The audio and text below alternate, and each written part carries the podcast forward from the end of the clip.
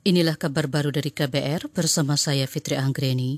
Kementerian Ketenagakerjaan mengungkapkan jumlah pekerja yang dirumahkan dan terkena pemutusan hubungan kerja PHK akibat COVID-19 mencapai lebih dari satu juta orang. Juru bicara Kemenaker Sosindarmo menyebut jumlah itu merupakan gabungan pekerja dari sektor formal dan informal di seluruh Indonesia.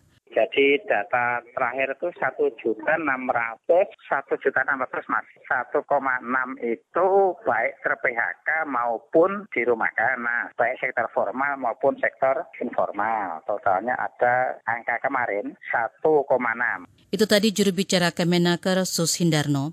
Sebelumnya 1,65 juta buruh di PHK dan dirumahkan. 90 persen statusnya dirumahkan. Wakil Ketua Apindo mengatakan saat ini pengusaha kesulitan mengimbangi pemasukan dengan biaya operasional sehingga PHK dilakukan. Komnas HAM mendesak pemerintah menekan angka pemutusan hubungan kerja di tengah pandemi COVID-19. Komisioner Komnas HAM Khairul Anam menegaskan pemerintah harus menjamin dan memperhatikan kehidupan masyarakat terdampak virus corona.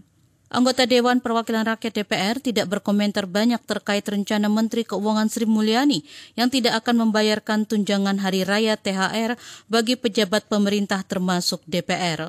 Wakil Ketua DPR Sufmi Dasko Ahmad mengaku anggotanya tidak akan keberatan jika THR tahun ini tidak dibayarkan.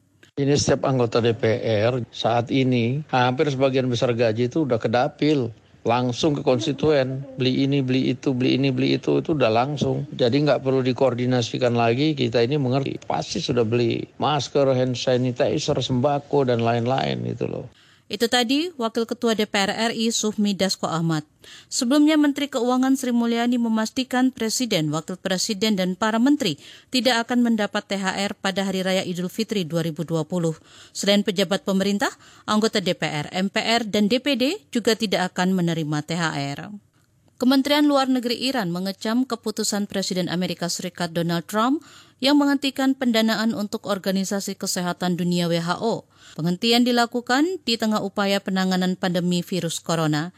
Juru bicara Kementerian Luar Negeri Iran, Abbas Mausavi, mengatakan tindakan Amerika menghukum WHO merupakan tindakan tidak bertanggung jawab sekaligus kejahatan terhadap kemanusiaan. Mausavi menyebut keputusan Trump itu terkesan menyembunyikan ketidakmampuan pemerintah Amerika dalam menangani virus corona di negaranya. Sebelumnya Presiden Trump menghentikan sementara pendanaan Amerika ke WHO. Amerika menyumbang sekitar 15 persen dari total anggaran WHO.